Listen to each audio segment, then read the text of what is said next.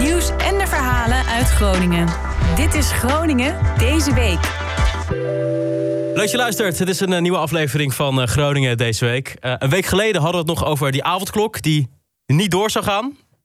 Uh, hoop Groningers gaven ook een mening. Nou, uiteindelijk was de conclusie, nou, gelukkig wordt hij niet ingevoerd voor een hoop mensen. Nou, een week later, ik hoef je niet veel meer te vertellen, denk ik, is die, toch, gaat hij toch in dit weekend. Het gekke is, er is nu een, een, een debat bezig hierover. Officieel is het ook nog niet besloten dat hij ingaat. Het is een voorstel van een kabinet en een meerderheid in de Kamer moet, moet daarvoor zijn. En op dit moment uh, is er een debat gaande. En uh, D66 en GroenLinks die zijn het nog niet helemaal eens. Zij willen dat ehm, de avondklok later ingaat dan gepland. Dus ehm, er is nu besloten half negen tot half vijf. Tenminste, dat is het voorstel. D66 en GroenLinks willen dat die klok later ingaat. Nou, wat die uitkomt is op dit moment nog uh, niet bekend. Als je dit terugluistert, is het waarschijnlijk wel bekend. Dus je hebt hier helemaal niks aan. Maar uh, ja, goed, ik ben heel benieuwd uh, wat, wat eruit gaat komen. Nou, goed, we kunnen er wel vanuit gaan dat die avondklok er gaat komen. Ja, de meningen zijn een beetje verdeeld hierover. Een hoop mensen vinden het aan de ene kant wel een goed idee. Die zeggen van ja, als je één keer goed heftig ingrijpt, dan zijn we eerder van het virus af. Maar goed, het is natuurlijk wel een heftige beslissing. Een hoop ondernemingen moeten weer hun onderneming aanpassen. Uh, zelf persoonlijk moet ik zeggen, ik doe niet zo heel veel meer na half negen. Ik heb wel eens dat ik om half negen denk van... hey, ik moet nog eten en ik moet nog naar de, naar, de supermarkt. Dat, uh, dat kan ook niet meer. Maar ook voor sportverenigingen is dit vrij lastig. een hoop trainingen zijn s'avonds. En dat, dat kan natuurlijk niet meer met, met die avondklok. En daardoor gingen we even langs bij sportvereniging, voetbalvereniging Be Quick. En je hoort nu jeugdcoördinator Benjamin Sietsma van Quick. Eerder moeten stoppen betekent minder tijd om te trainen. Uh, waar we normaal vanaf een uur of drie of vier. En uh, onze laatste trainingen beginnen vast, vast al vanaf negen. Uh, nou, als dat allemaal in, de, in een kortere tijd moet worden gedrukt... dat betekent dat we met meer teams op een veld moeten trainen... Uh, dat spelers eerder op het sportcomplex moeten zijn... dat trainers eerder van hun werk moeten vertrekken om hier te kunnen trainen. Dus dat zijn wel een aantal uitdagingen die ja, uh, mogelijk wel problemen kunnen, kunnen opbrengen. Ik baal ervan, maar ja, ik zie ook geen andere mogelijkheid... dan gewoon aanpassen op de situatie. Dus dat doen we op onze allerbeste manier. We gaan ook ouders informeren over looplijnen in het sportcomplex... dat de kinderen niet allemaal op dezelfde plekken gaan lopen... Uh, maar met meer teams trainen op een veld zou mogelijk wel kunnen resulteren in uh, drukkere situatie op het veld. Maar uh, ook dat proberen we zo goed mogelijk te voorkomen om het zo goed mogelijk af te kaderen. Maar dat is wel een uitdaging. De cijfers die je nu te horen krijgt, die zijn best wel dramatisch. Eén op de drie jongeren die scoren hun leven nu onvoldoende. dat is ook niet gek als je alleen maar binnen zit. Uh, sport bewegen helpt er ontzettend bij, ook voor je mentale gezondheid. En ik vind dat echt uh, dat, dat, moet zijn, dat dat moet kunnen doorgaan. Dus daar doe ik, doe ik voor, mijzelf in ieder geval heel mijn best voor om dat te voorkomen. En het is het uitje van de dag. Je zit de hele dag thuis, je hebt school thuis. Zometeen met de avondklok heb je nog minder tijd om buiten te zijn. En bij Be Quick kunnen trainen. Gelukkig trainen we vaak en trainen we, trainen we lang. en dat is het uitje van de dag, maar ook een hele belangrijk. Om te kunnen bewegen, maar ook om in de buitenlucht te kunnen zijn. Kijk, gewoon denken in oplossingen, dat, dat doen ze goed daar bij Be Quick. Ja, en wie zijn uh, nog meer uh, zwaar de, de klossen nu? De avondwinkels. Ja, ik hoef je niet uh, uit te leggen waarom natuurlijk. En we spraken Khalid, hij heeft een avondwinkel in Groningen. Omdat ik heb ook drie personeel. Ja. En ik heb ook gezien. Ik ga niet kijken en denken, ik ga winst maken. Ik moet vechten voor de kosten betalen. Dat is voor mij het belangrijkste.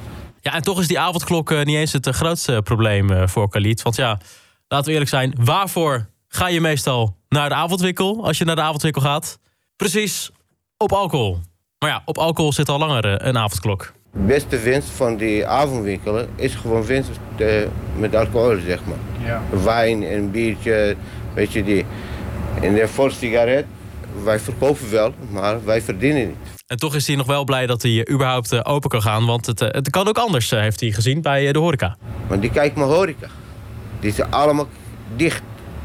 Ik ken die horeca, die is een uh, buurman. Hij is alles weg. Dus nu hij zit thuis en een huis verkocht, huis, uh, auto weg, alles weg, 0,0. Ja, gelukkig uh, vreest Galit niet voor het voortbestaan van zijn winkel. Hij heeft nog genoeg hoop. Wij zijn 21 broeders zusje. Wij kunnen altijd samen helpen. Ik kan volhouden. Dat zal je ongetwijfeld uh, niet uh, ontgaan zijn. Het was uh, een van de grootste schandalen van afgelopen jaar. De toeslagenaffaire. Ja, mocht je toch een beetje gemist hebben... de, de Belastingdienst die vorderde op onterechte gronden kindertoeslag terug. En duizenden mensen kwamen hierdoor in grote problemen. En de gemeente Groningen wil nu slachtoffers van de kindertoeslagaffaire helpen. Volgens gegevens van de Belastingdienst zijn er in Groningen 85 mensen slachtoffer geworden van de toeslagaffaire. 25 daarvan zijn bekend bij de gemeente, maar 60 mensen dus niet. En dit komt doordat de Belastingdienst de gegevens van die slachtoffers niet mag doorgeven aan de gemeente. En wethouder eh, Isabelle Dix die roept daarom op... meld je bij de gemeente, zodat we je kunnen helpen. Ik wil heel graag hier de oproep doen uh, aan mensen... dat op het moment dat zij slachtoffer zijn en gedupeerde zijn... in deze toeslagenaffaire... dat ze zich alstublieft melden bij de gemeente. En dat kan via uh, het nummer 14050. Kunnen zij contacten mee zoeken. En dan achter dat nummer zit iemand die hen direct kan helpen. Laten we bij het begin beginnen. Het eerste is natuurlijk dat de Belastingdienst uh, deze mensen in deze situatie heeft gebracht. En de Belastingdienst heeft ook aangegeven dat deze mensen 30.000 euro sowieso krijgen. En in een aantal gevallen meer als de schade nog veel groter blijkt te zijn. Die 30.000 euro, daarvan moeten we um, uh, allereerst zorgen dat deze zo snel mogelijk terechtkomt bij de mensen die het betreft. En daar hebben wij nu een team voor ingericht. Um, uh, dat deze mensen die zich dan bij ons melden op alle mogelijke manieren kan helpen. En dan kan het gaan om schuldhulpverlening. Dan kan het gaan om dat mensen te maken hebben gekregen misschien met jeugdzorg. Of dat ze geen werk hebben. Of dat ze anderszins in problemen zijn geraakt. Gezondheidsproblemen hebben gekregen. Dan kunnen zij zich melden en dan kunnen wij hen direct helpen met een team dat hierop is ingericht. Ik probeer me uh, af en toe voor te stellen hoe het zou kunnen zijn als jij uh, gedupeerde was uh, of bent in deze toeslagenaffaire, dat je misschien gescheiden bent hierom, dat je misschien uh, in hele grote schulden bent beland, dat misschien je kind wel uit huis geplaatst is, dat zo'n heel gezin uit elkaar gevallen is, omdat de overheid een structuur had ingericht waardoor zij helemaal benadeeld zijn. Dat, dat is natuurlijk onvoorstelbaar dat, dat wij, hè, dat overheden, mensen dat hebben aangedaan. Ja, dat is al een lange tijd één grote zandbak. Er wordt al heel lang gebouwd. De zuidelijke Ringweg Oost. Deze week was er een persconferentie over de vorderingen.